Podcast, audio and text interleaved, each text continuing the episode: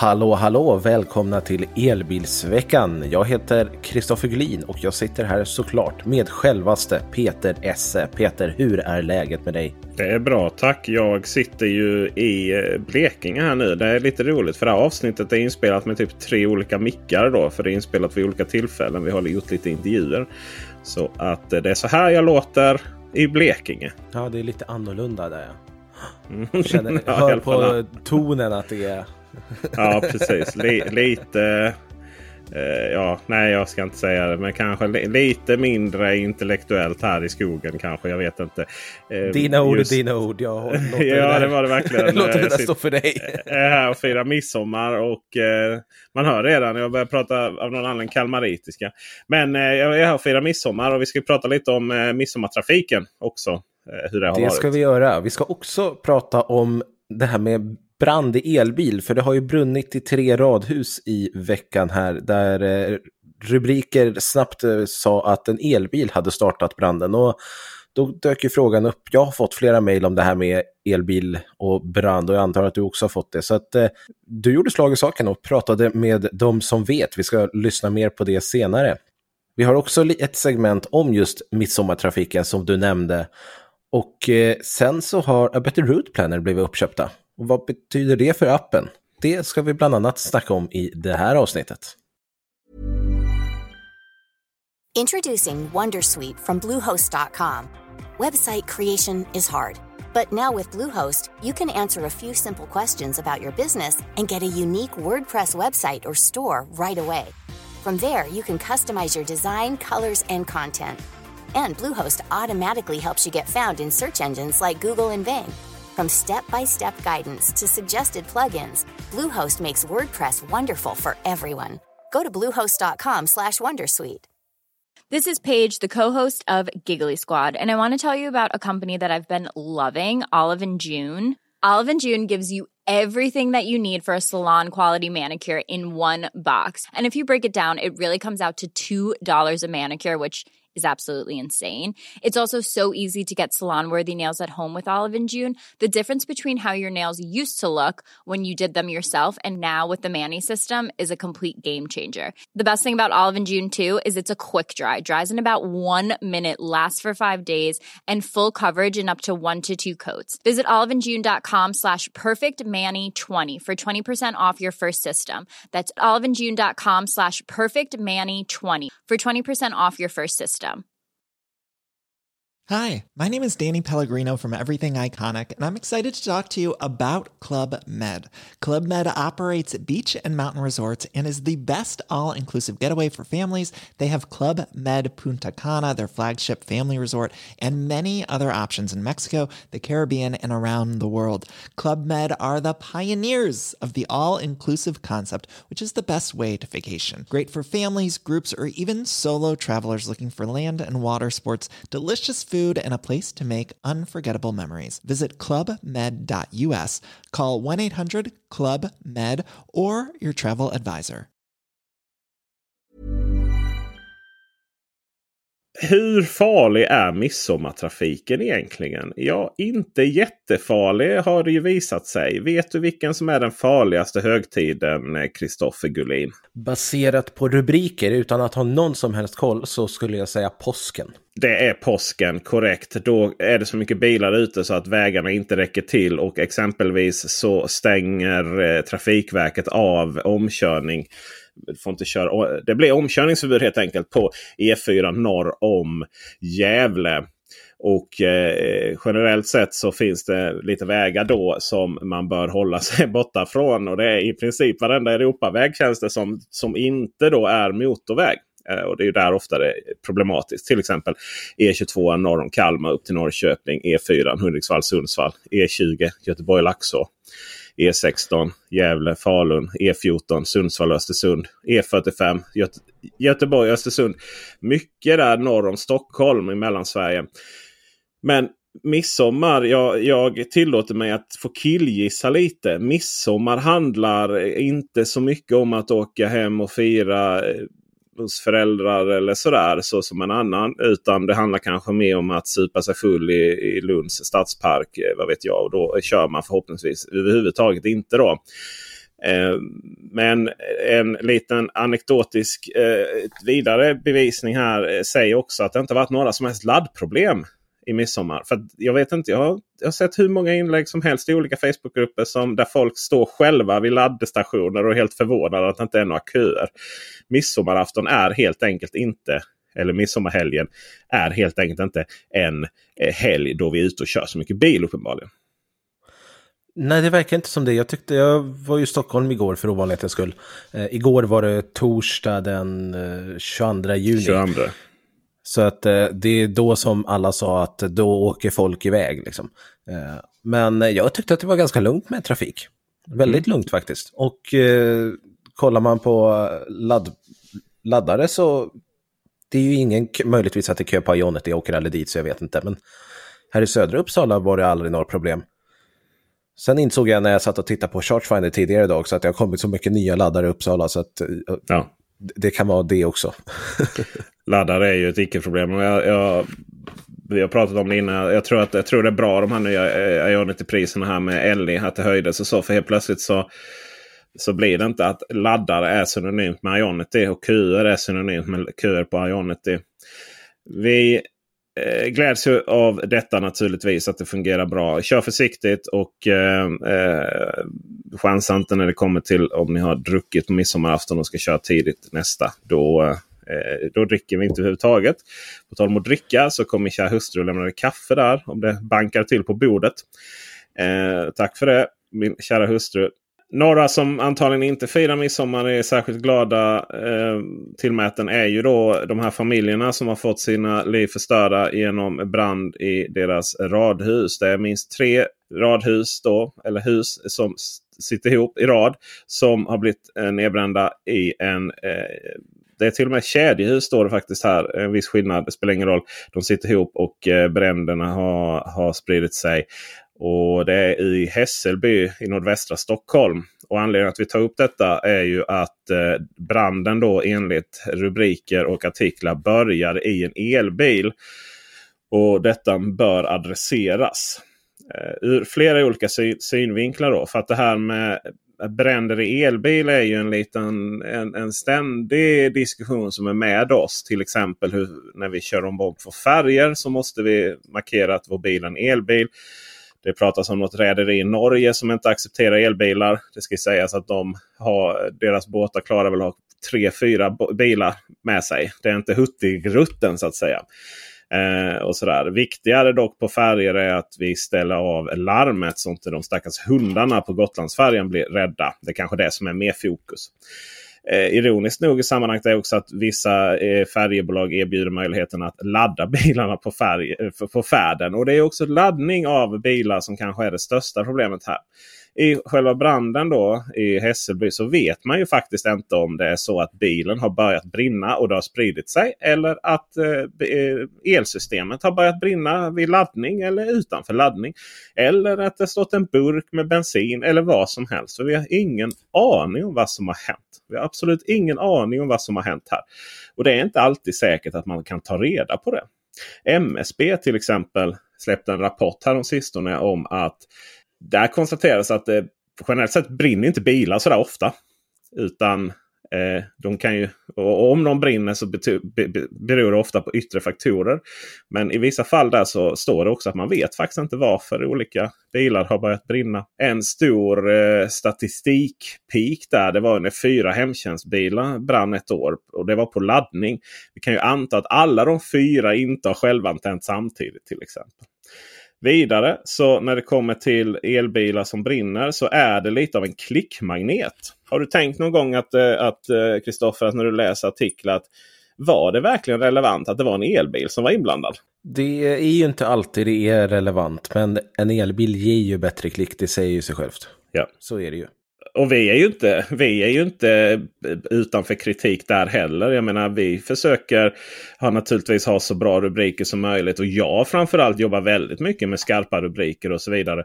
Så det är inte så att jag vill kritisera kvällspressen och andra att de använder elbilar som en, en klickmagnet. Vi kan bara konstatera att det är så.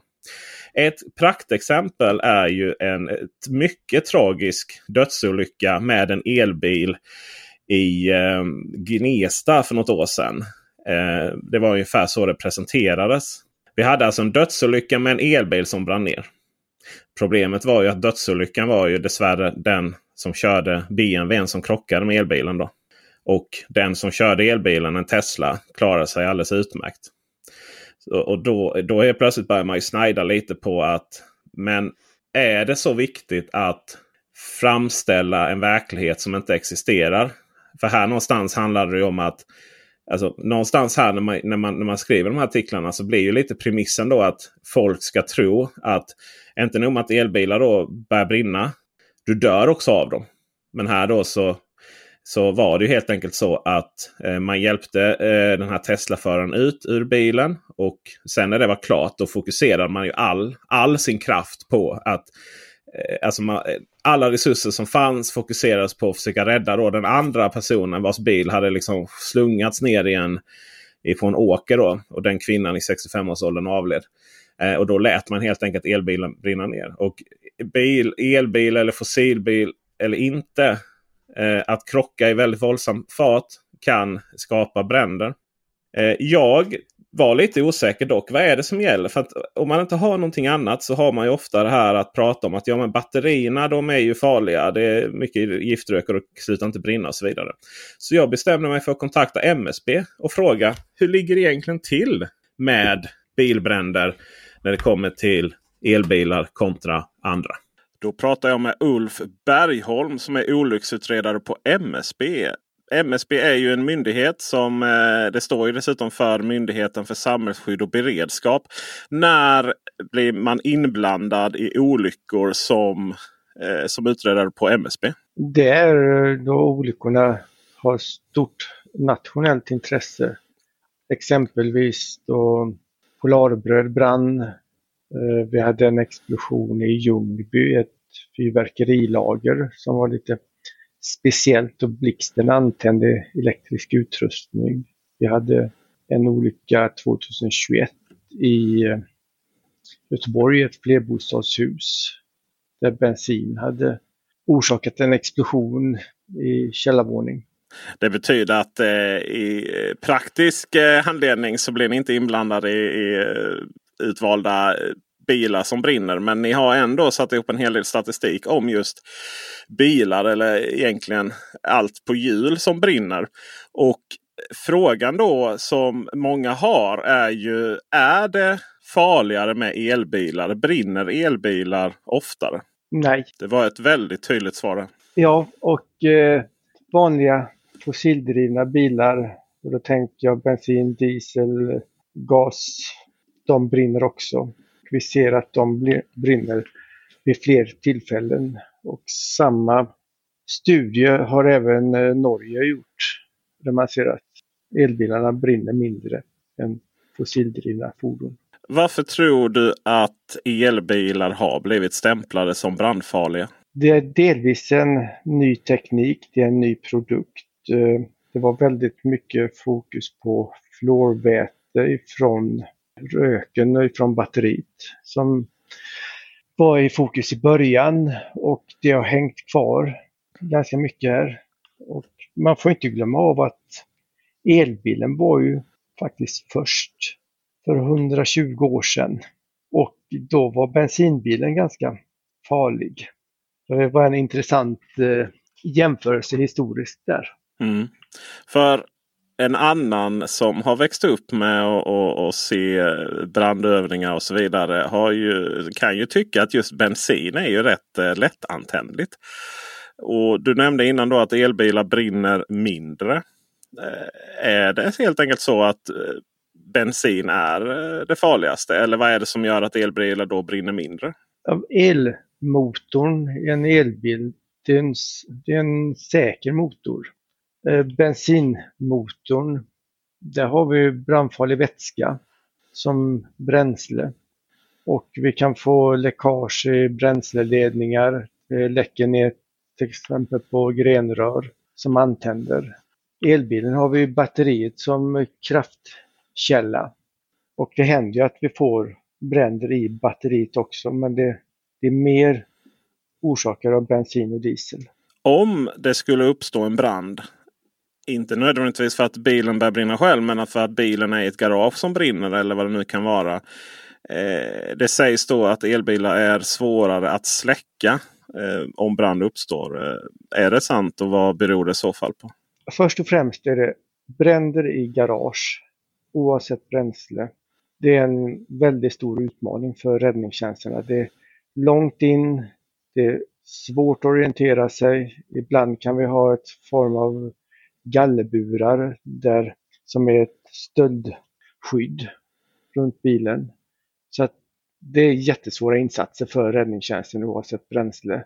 Det som är med en elbil är att de kan hålla på att brinna väldigt länge om det har börjat brinna i batteriet.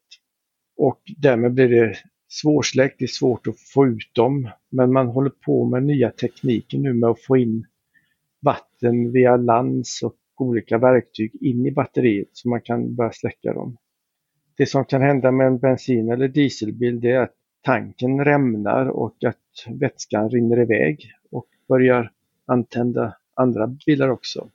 Eh, sedan skall eh, garagen under till exempel ett flerbostadshus, de skall vara designade och gjorda för att stå emot bränder i bilar oavsett bränsle. Det ska vara en slussfunktion upp mot trapphus med dubbla ståldörrar till exempel om det är gjort rätt. Ni släppte en rapport om antal bränder i personfordon här eh, för inte så länge sedan. Och när jag läste igenom den så tänkte jag nej det verkar inte vara någonting annat än elsparkcyklar som, eh, som eh, brinner. Det verkar vara där problemen ligger snarare än i bilar generellt sett. Och tidigare var det hoverboards.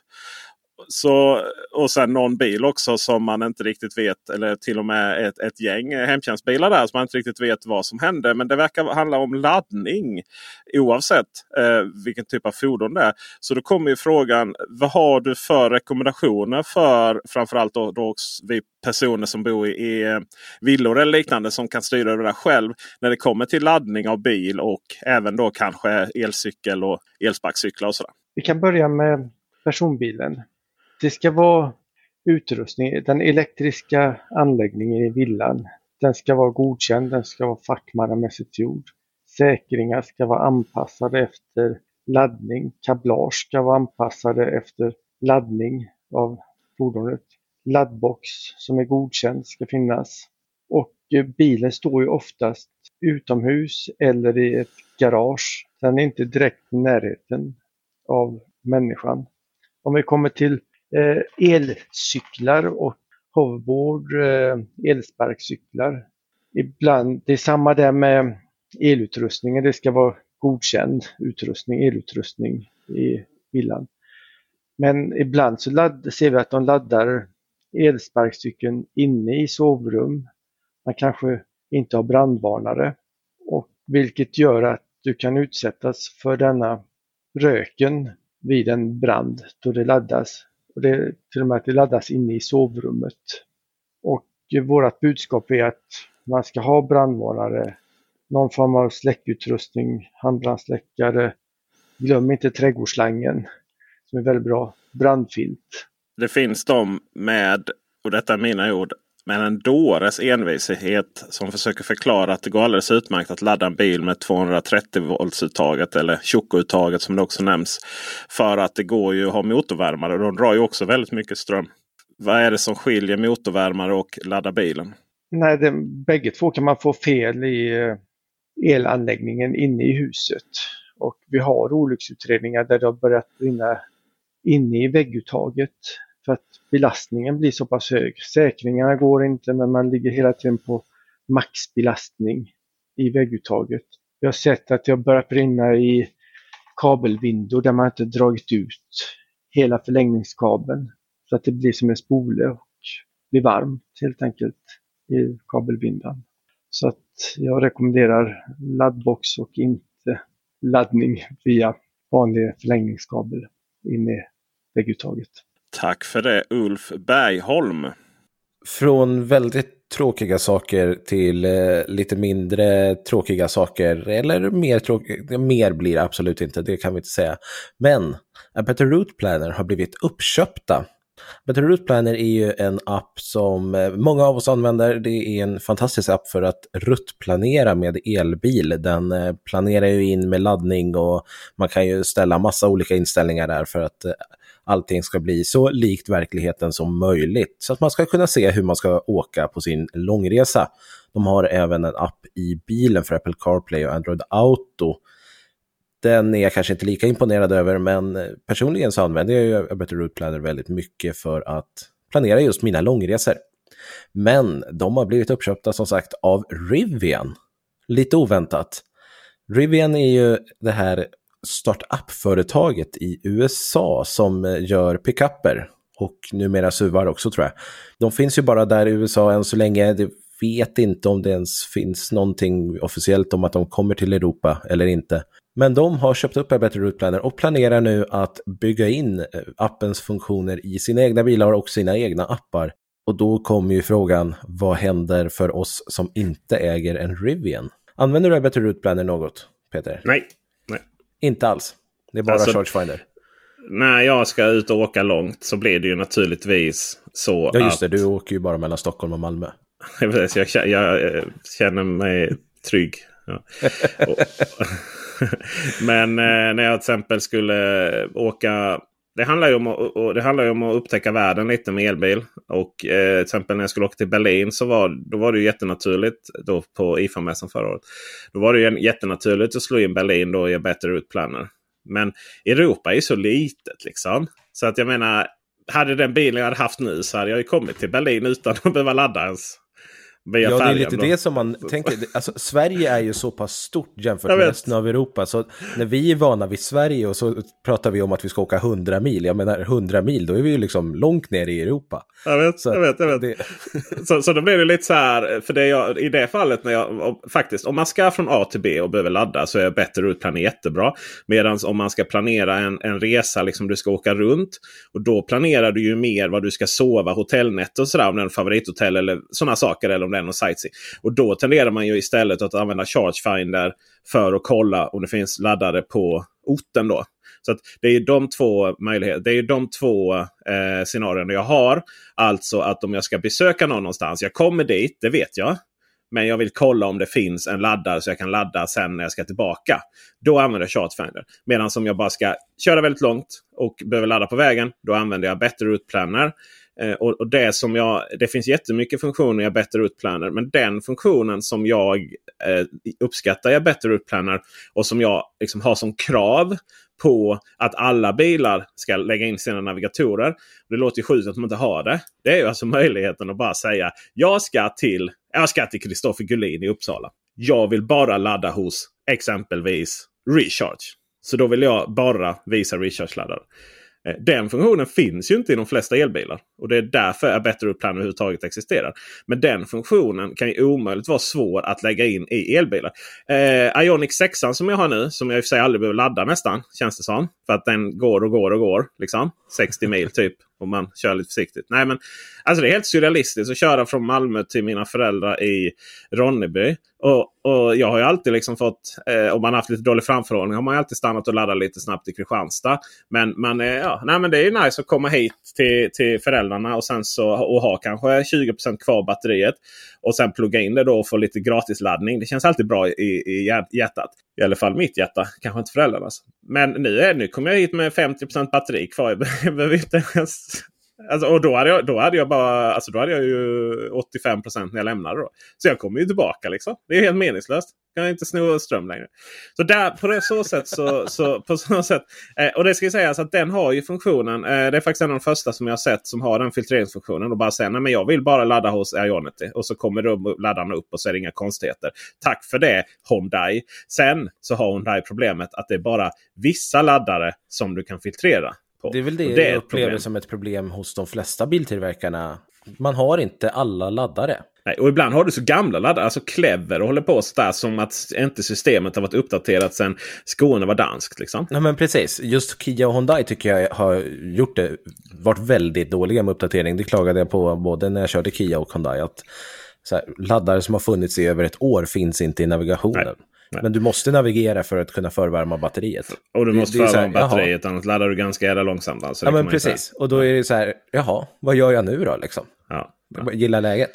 Ja. Eh, så där tycker jag att alla elbilstillverkare behöver bli bättre. Sluta med att ja, men det här är, ingår i vårt partnerladdnät och så vidare. In med alla laddare bara. Chargefound, det kunde ju erbjudit ett API för. Ja, De det är hade ju så snabba. snyggt. Ja, och det är så här, ja men vad får Chargefound så- sin information ifrån? Ja, alltså den är ju både, både lite officiella källor men den är också crowdsourcad. Så att det finns liksom, det är riktigt bra där och det är, det är, du ser all informationen. Nej, det borde, kunde ju bli deras business faktiskt. Att eh, det är där de tjänar sina stora pengar. Ja, de hade kunnat tagit lite betalt för det där. Kanske inte Mm. 12 000 per 100 API-call eller vad Reddit nu tar. Helt annan historia. ja, det var verkligen en helt annan podd. Om vi går tillbaka till Rivian och A Better Route Planner här då, så både Rivian och A Better Route Planner, båda vd-erna för båda företagen, liksom, har gått ut och sagt att appen ska finnas kvar för oss som inte kör Rivian. Rivians vd menade på att appen är en viktig del av Eh, elbilsetableringen och eh, därför så, måste, så är det en självklarhet att appen ska finnas. Förhoppningsvis så ser vi inga som helst förändringar. Kanske att A A Better Route Planner får mer finansiella muskler bakom sig nu då. Det är nog bra, eh, det är nog bra att ett sånt lite mindre bolag gör det. För här är det liksom inkorporerats i typ liksom några av de stora koncernerna. Eh, vad heter de? St- Stellar, Stellaris eller vad heter de där? Eh, Peugeot det gänget. Stellantis. Stellantis. ja. Wow vilken... De snackar om att blotta sin... ja. Ja men de har ju knappt några elbilar hela den koncernen. Eller eh.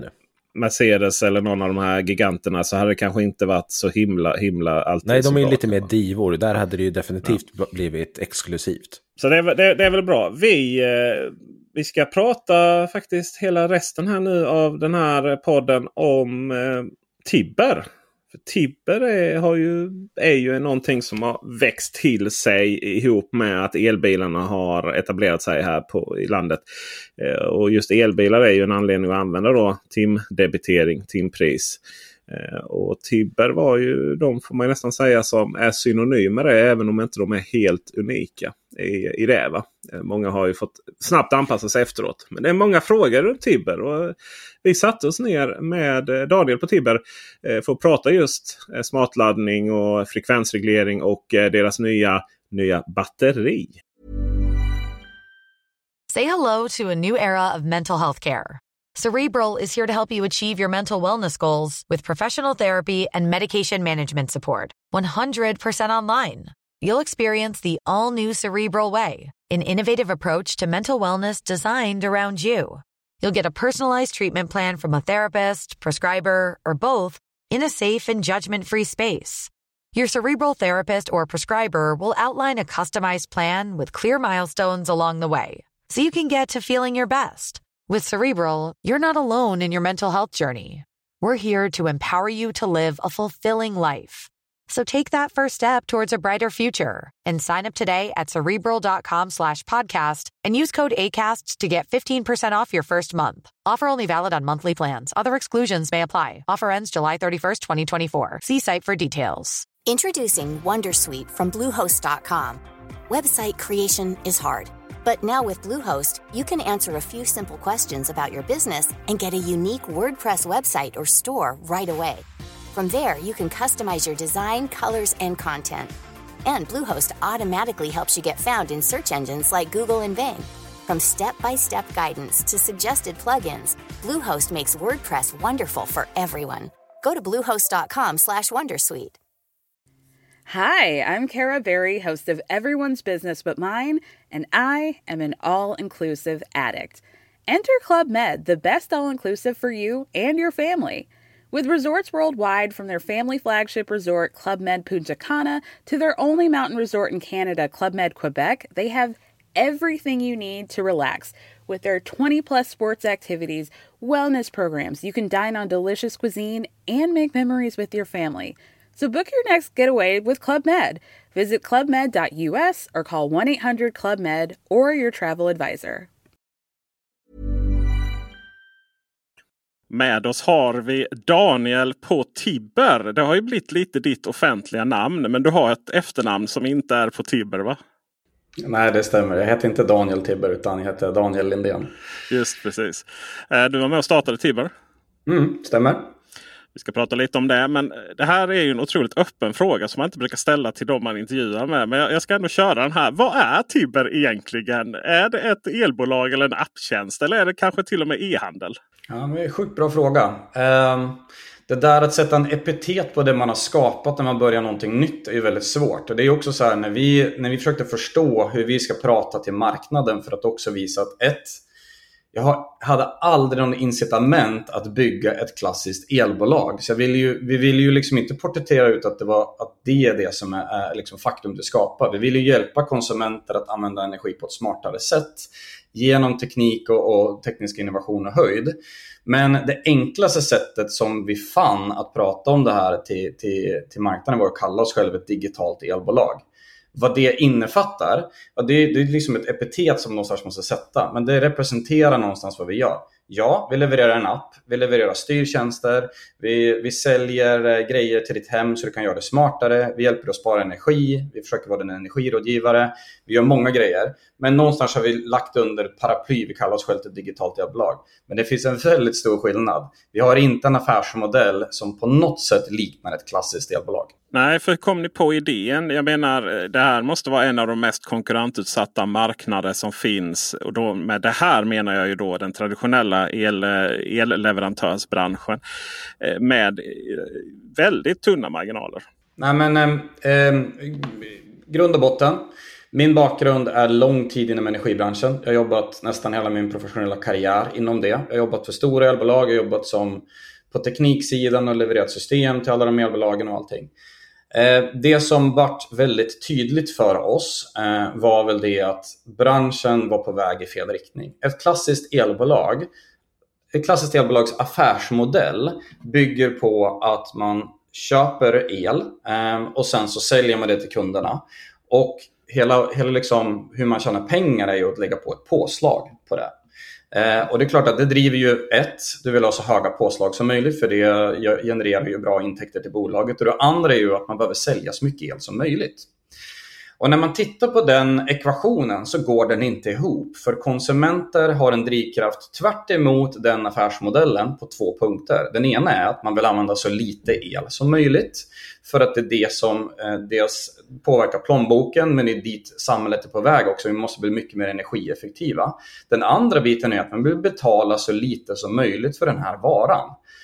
Ehm, och hur det började då bubbla i, i branschen som jag jobbade med, det var ett, var det att den var väldigt obekväm frågeställning kring energieffektivisering, så ingen ville investera in i det här eh, för att hjälpa konsumenterna att göra det, för det fanns ingen drivkraft rent affärsmässigt för det. Och den andra biten som var riktigt Eh, ful var det att på grund av att det var prispressat så börjar man jobba med lockavtal, man börjar jobba med dolda avgifter, man börjar jobba med, med, man berättade inte hela sanningen vad man sålde för att sen försöka öka intäkterna genom att öka de här marginalerna på den. Och mitt värsta exempel var, jag ska inte ens säga vart jag jobbade, men på ett av de stora elbolagen jobbade jag. Där gick liksom mantrat, väck inte den björn som sover. För kunder som har passiva avtal, tills vidare priser eller sitter på dåliga marginalavtal, det är de vi tjänar pengar på. De ska vi inte ringa, de ska vi inte engagera i den här frågan. Det är de som ska ligga där och vila liksom, så vi tjänar pengar. Och sen får vi jobba med att försöka möta marknaden, konkurrensen på den andra.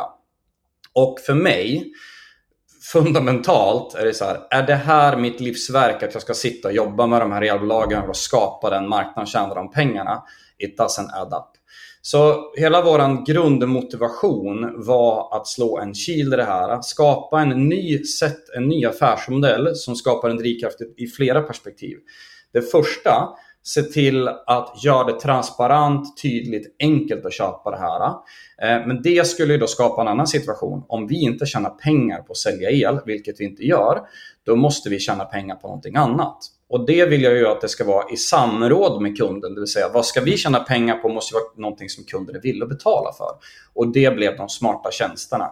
Därav då att vi säljer eh, fysiska prylar hem till dig där du kan koppla upp det. Och så har vi en månadsavgift som rullar för själva tjänsten som ska leda till besparingar och lägre kostnader för dig. Och på så sätt blir det en win-win.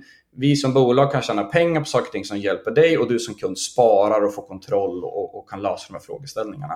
Och det var ju en fundamentalt annorlunda resa och vi kände bara att den måste göras. Men eh, så det är själva intäktsmodellen då är en kombination av den här månadsavgiften samt försäljningen då?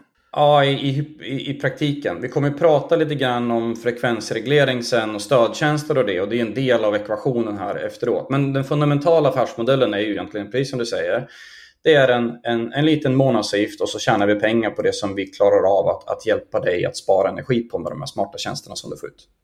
Vad är det, ni, eh, vad är det som har drivit eh, kunderna till eh, primärt? För egen del då så är det ju naturligtvis elbilsladdning då. Tim, timdebitering där, eller höll säga tim, ja, vad kallar man det? Timpris. Timpris ja. ja. Precis. och så kan vi ladda då på de billiga, billiga timmarna då helt enkelt. Eller via då smartladdning. Men för det, där, det är där jag känner att den stora besparingen har legat. Det här att reglera lite, prata mycket om tvättmaskin och sånt, tvätta på natten och sånt. Det där har ju varit lite felräkningspengar. Är det, är det en bedömning du delar eller var ligger den stora besparingen och vad är det som folk lockas till? Det är tre delar. Ehm, den första delen är ju den, den faktiska frågan att man kan få insikt och kontroll över eh, sin energianvändning. Ehm, så el till inköpspris är ju någonstans en, en grundfundament samtidigt som du får en app där du får kontroll och insikt. Någonting som folk generellt sett har saknat och också drivit väldigt omotivation till det här. En faktura som dimper ner i brevlådan med kilowattimmar Eh, är svår att förstå ehm, vad man ska göra åt. Den, den, faktiska fakturan behöver inte vara svår, men förstå vad man ska göra åt den. Det är det som har varit utmanande för, för många konsumenter. Så det är den första delen. Eh, att få transparent prissättning, en digital tjänst, eh, en app som man får styrning och kontroll och, och, och få egentligen lära sig om det här området för sitt hem. Den andra delen vad det leder till är ju det att med bättre insikt och kontroll driver de absolut flesta kunderna till att spara energi. Bara det att du är medveten om din förbrukning och vad saker och ting drar, dra, driver direkt till att man blir smartare med sin energianvändning och, och sänker sin energiförbrukning totalt sett. Men sen kommer vi till den tredje faktorn då, vilket är timpriset.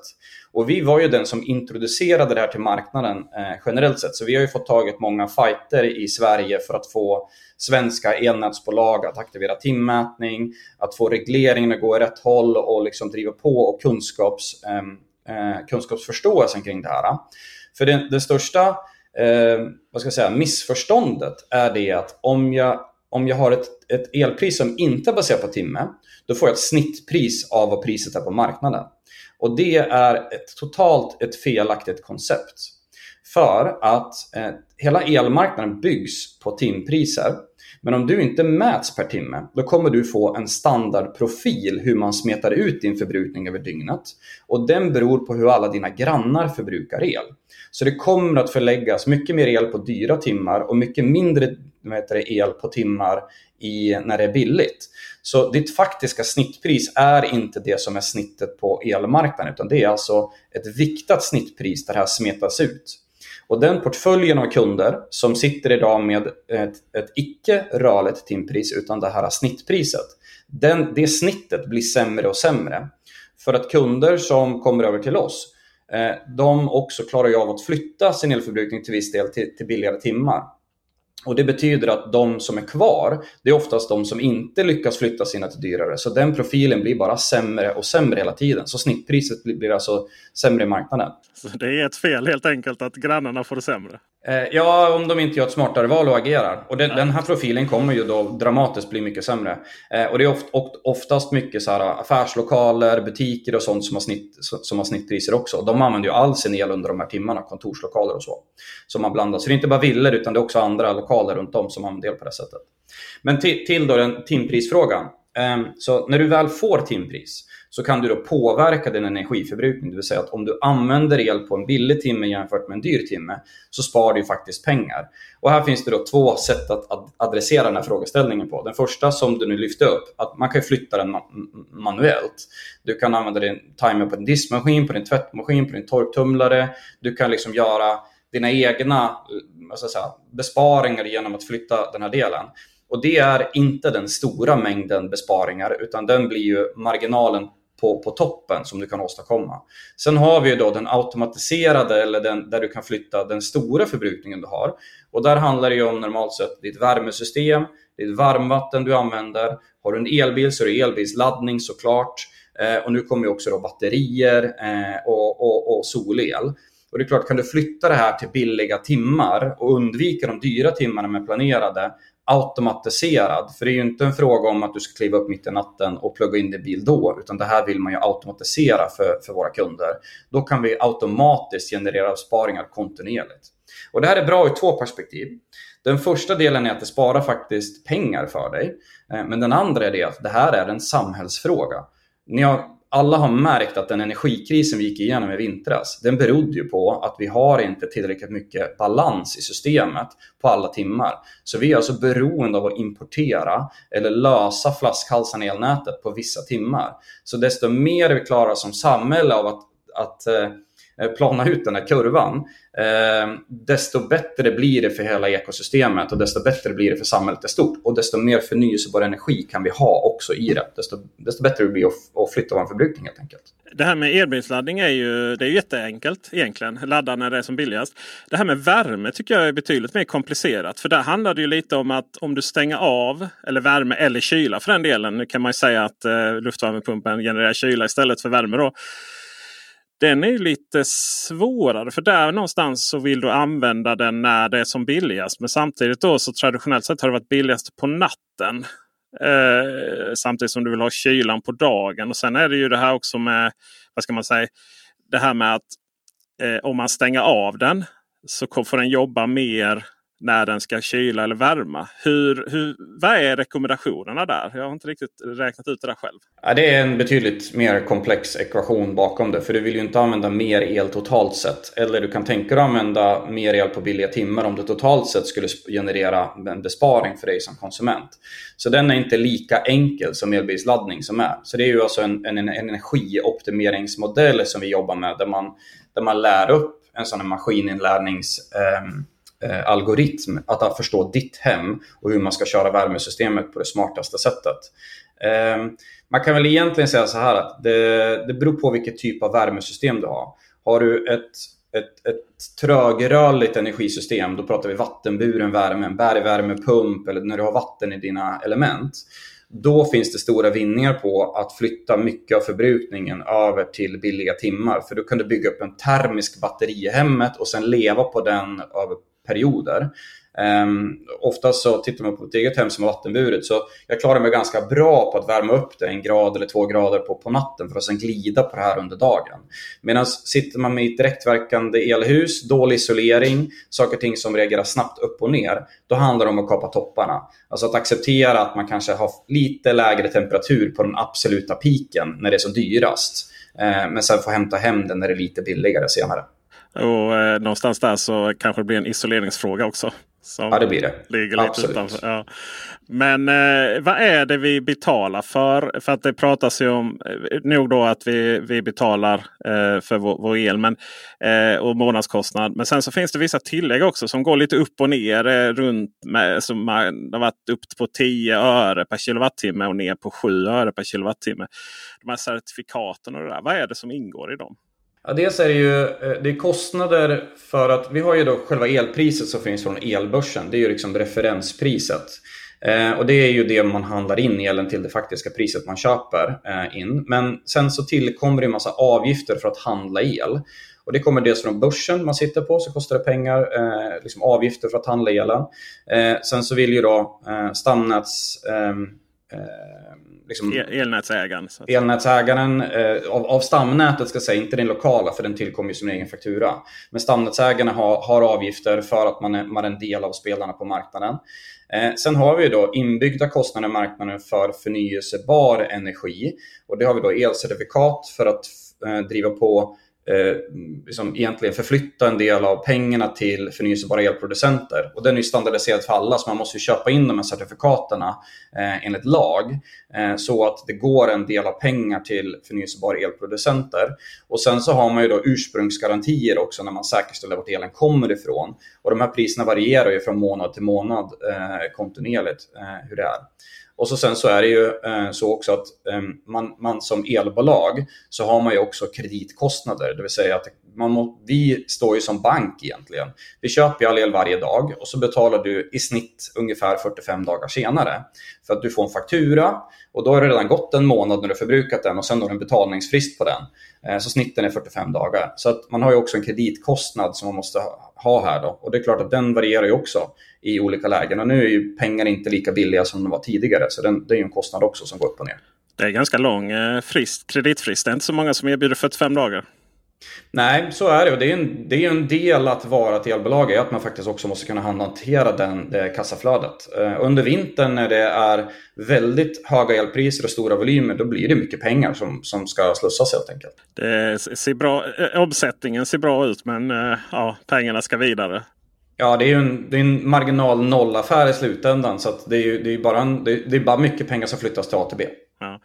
Eh, kärnkraft, ni bytte från eh, citat eh, förnyelsebar till fossilfri. Eh, har det, då, är det, då är det ursprungsgarantierna där som man fortfarande betalar. Men inte, inte avgiften då för de förnyelsebart. Eller har de en egen? Och det, det är en mix ska jag säga. Men eh, och vi, vi tittade på frågan eh, väldigt noggrant. När vi drog igång Tibber så, var det ju, eh, så valde vi att bara gå på förnyelsebar energi och vi drev, vi drev på och, och bildade opinion i marknaden kring det här. Det är ganska tydligt att opinionen i Sverige har svängt. Det vill säga att hur vi ska lösa energisystemet långsiktigt på den politiska planen och på den fysiska, liksom hur det här ska byggas, har ju ändrats till att alla är ganska överens om att det finns inte en lösning på problemet hur svensk energiförsörjning ska se ut, utan det är förmodligen en mix av det här.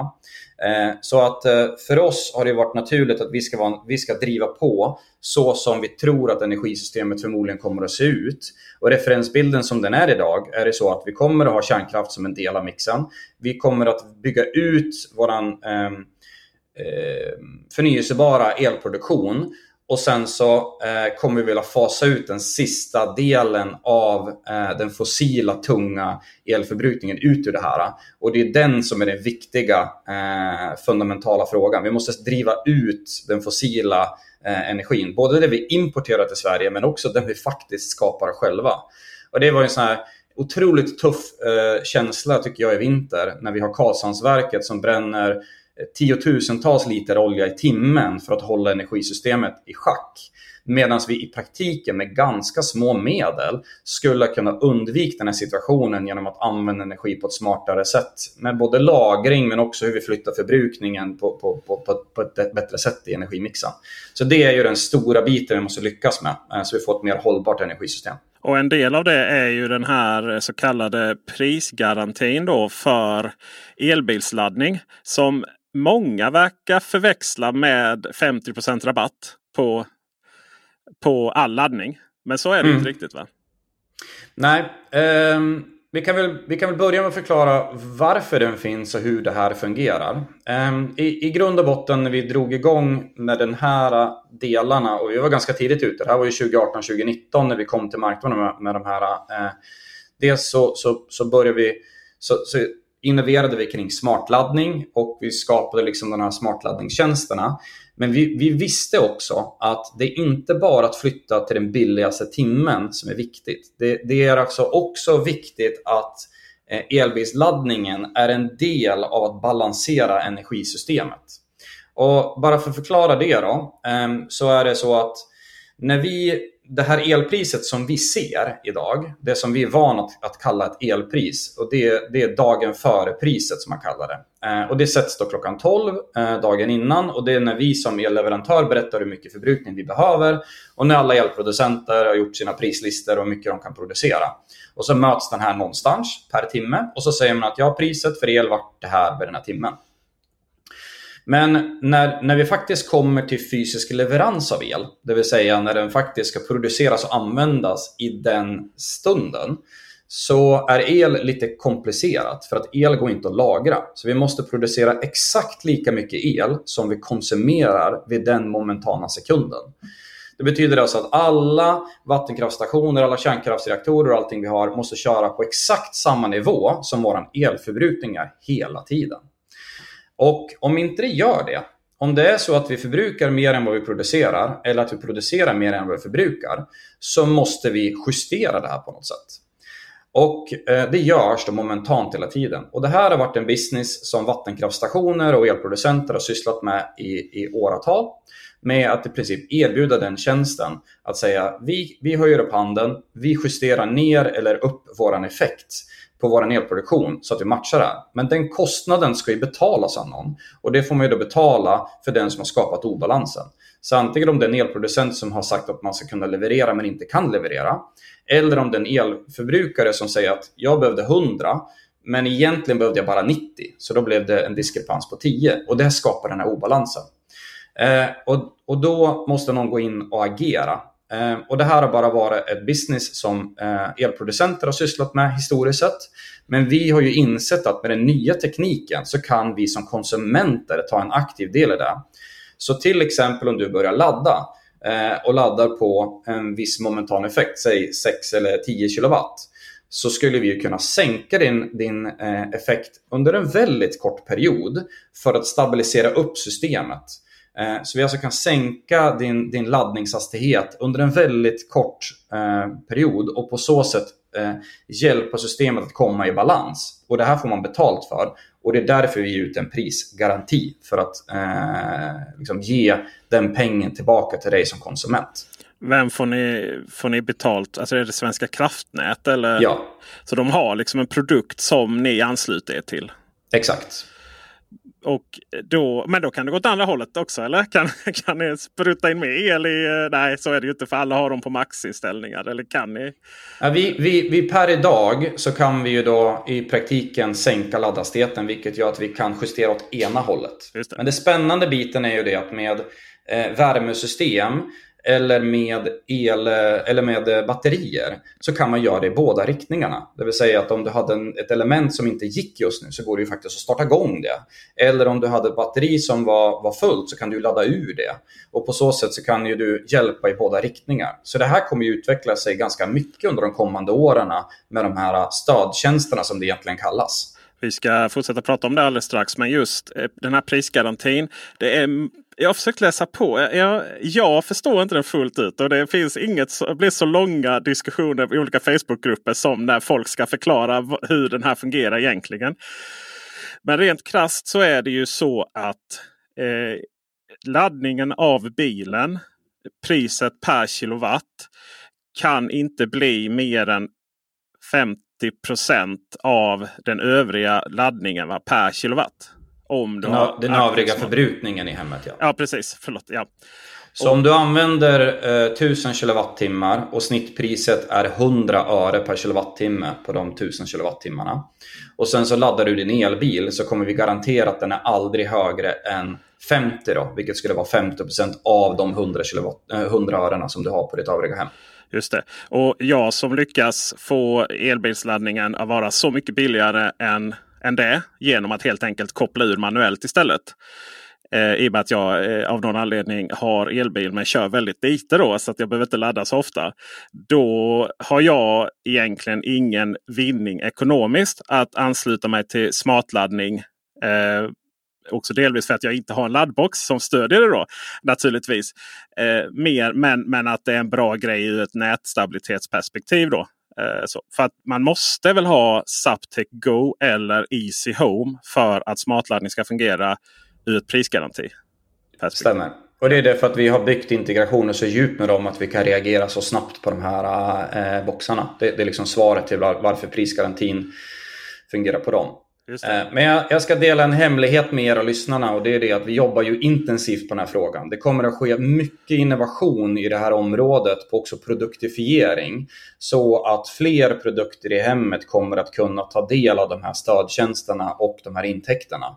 När vi um, lanserade ett hemmabatteri för bara några veckor sedan som kallas Homebolt så indikerade vi också eh, om att de här typen av stödtjänsterna kommer att vara en del av helhets, helhetskonceptet.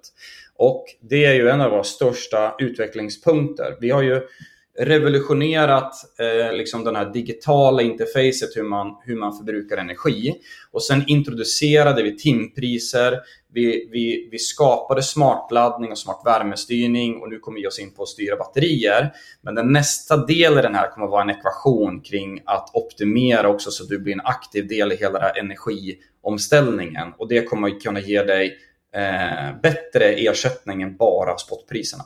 Så det är en väldigt spännande framtid vi går mot det här området. Kommer batteriet behövas då? För att kunna bli en del av det? Uh, nej, nej, det är absolut inte. Utan det är inte en, det är inte en för, förutsättning för det. Utan snarare batteriet är kanske den mest kraftfulla enheten du kan ha som skulle kunna tjäna pengar i de områdena. Mm, spännande. En sista, sista sån om den eh, prisgarantin vi, vi ska reda ut här. Det blir en sån kanske kuggfråga eller så har du full koll på det. Säg att jag smartladdar. Eh, det vill säga med funktionen smartladdning då med någon kompatibel eh, box. Och sen så har jag min övriga förbrukning. då. Om jag kickar igång laddningen på bilen manuellt. Hamnar den laddningen på min övriga förbrukning eller på elbilsladdningen? På din övriga förbrukning? På min övriga förbrukning. Så, eh, så på så sätt så om jag då gör det manuellt eh, så kan jag få ner eh, genomsnittet på den övriga förbrukningen också. Eh, mm. Just det. Eh, om detta tvistar de lärda kan jag säga. Eh, batteriet. Kul! Ni kom på här att ni skulle lansera ett, ett husbatteri helt enkelt som fick namnet HomeVolt. Och det är en ganska stor det är ett ganska stort hopp från smartladdning och styra ens luftvärmepump med Google Home. Kan man ju säga. Mm, absolut. Um, vi har väl um, i, i våran resa så har vi tagit oss an olika utmaningar. Uh, det första har vi pratat om hur man revolutionerar liksom sättet att se på elpriser och hur man hanterar sin energikostnad. Den andra biten som vi tog oss an var ju elbilsladdning. Och det finns en företid och en eftertid av Tibber skulle jag vilja hävda. Det vill säga att när vi introducerade smarta laddboxar till marknaden som var uppkopplade, styrningsbara, smart laddning i konceptet så flyttade vi hela perspektivet kring elbilsladdning i hela marknaden. Jag kan säga att det sprangs nog ganska vilt inne på många producenter Ehm, av laddboxar för att försöka förstå hur de skulle också kunna göra smartladdning och, och utveckling av nya tjänster. Lastbalansering som inte krävde enheter för, för 5 till 10 000 kronor. Hur den ska hantera eh, peak-tariffer i näten etc. Eh, så vi gjorde liksom ett paradigmskifte kring elbilsladdning genom att ta ett, ett, ganska holistiskt grepp kring det här och titta på hur upplevelsen ser ut. Då kommer vi till faktumet att batterier är förmodligen en varmansprodukt över en tid. Sen kan den se ut olika om det är så att det är din elbil som är uppkopplad till det eller om det faktiskt är ett fysiskt batteri lagrat hos dig eller hur du kommer hantera det. Men tekniken i marknaden idag är undermålig. Det är ingen som har kunnat påvisa hur ett smart batteri ska designas, pressas framåt och vad det ska användas till. Och eh, precis som vi gjorde med laddning så parade vi ihop oss med IC och Zaptec vid den tillfället och berättade hur det här ska fungera. Så att de kunde bygga det här på bästa möjliga sätt för att ta sig dit. Det positiva då var ju att de bolagen var ju relativt ehm, eh, små och lättrörliga så de kunde ta till sig det här. De batteritillverkarna som finns ute i världen idag är oftast ganska stora industrikoncerner som har gått ifrån ganska stora in, eh, industriella applikationer ner till hemmet. Och det syns. Det syns i gränssnitt, det syns i förmåga att styra, det finns inga API-er, de har liksom inte tänkt där. Och resan för att få dem att flytta sig kommer vara lång. Så vi måste visa hur marknaden här ska göras.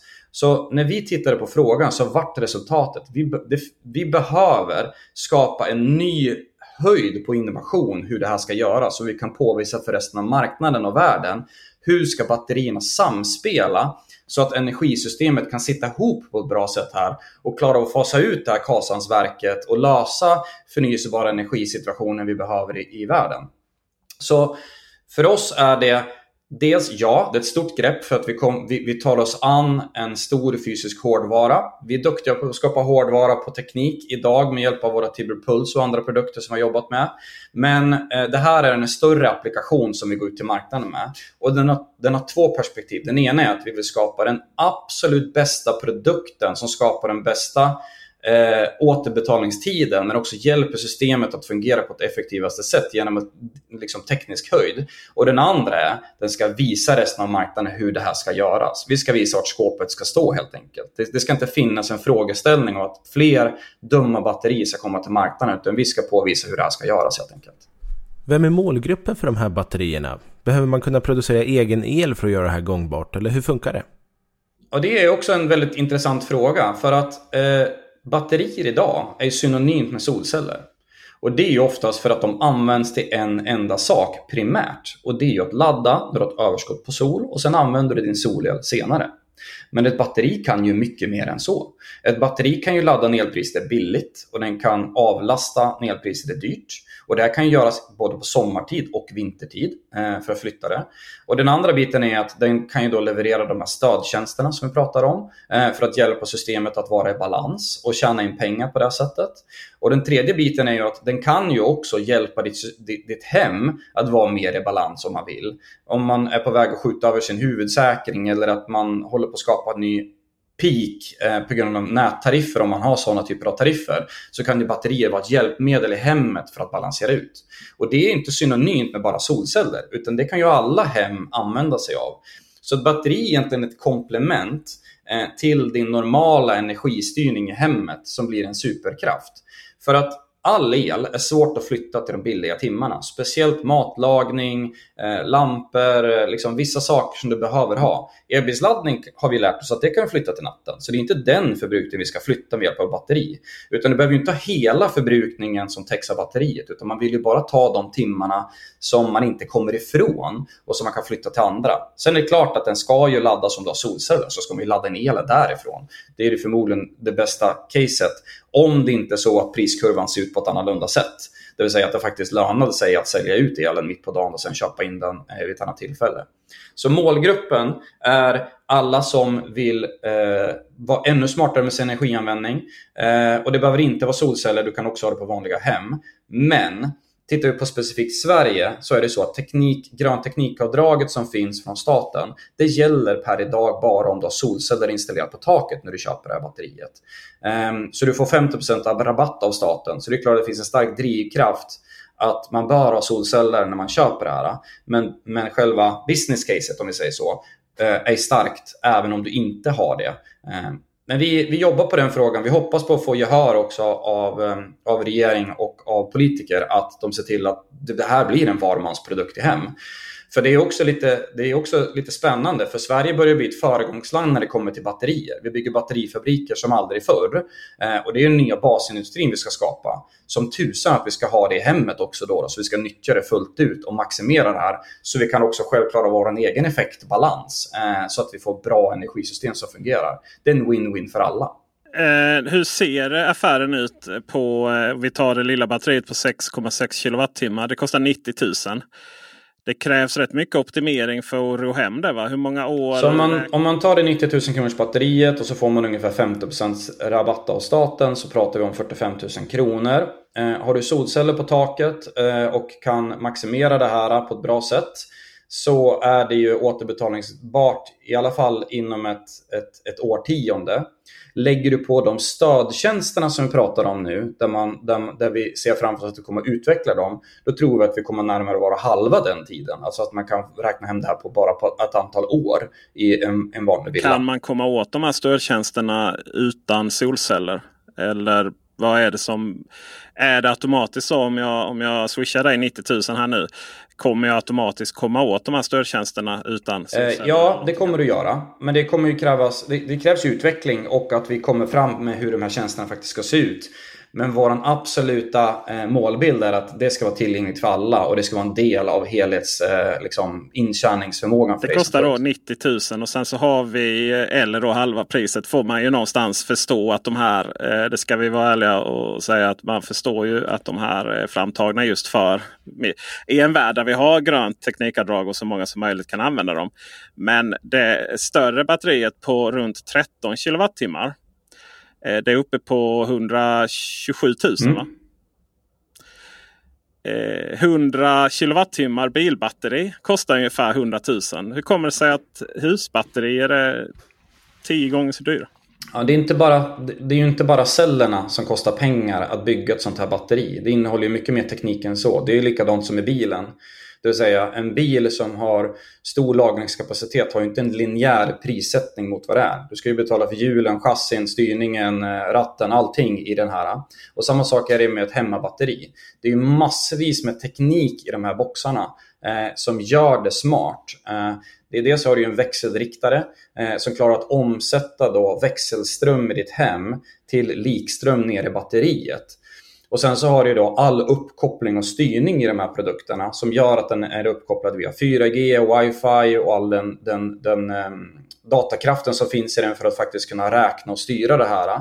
Och sen så har du då själva paketeringen av cellerna med säkerhetslagren som säkerställer att, att den bevakar hela tiden och agerar på rätt sätt.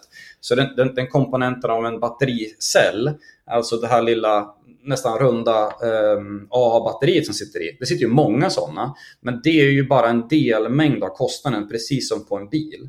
Så att ta de här batterierna utifrån en bil och stoppa i ditt hem är ju inte en enkel sak.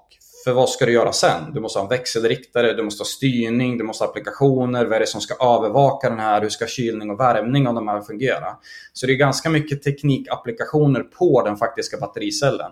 Men jag förstår att när man gör den beräkningen och bara tittar på det så, för, så, så går det liksom inte ihop. Varför ska då 13 kilowattimmar kosta den här summan jämfört med om jag får 100 kilowattimmar i en bil på ett annat sätt? Men en bil går inte att köpa för 100 000 med 100 kWh heller. För det är ganska mycket applikationer på den också. Eh, den kostar ju snarare en, en halv miljon eller 100 kWh kanske närmare en miljon i slutändan. Ehm, så att ehm, ehm, det, det är mycket teknik runt om de här. Det är, det är inte bara en cell. Hur har ni jobbat med att undvika degradation och degradering av batterierna? Vad är livslängden? Har ni någon batterigaranti till exempel?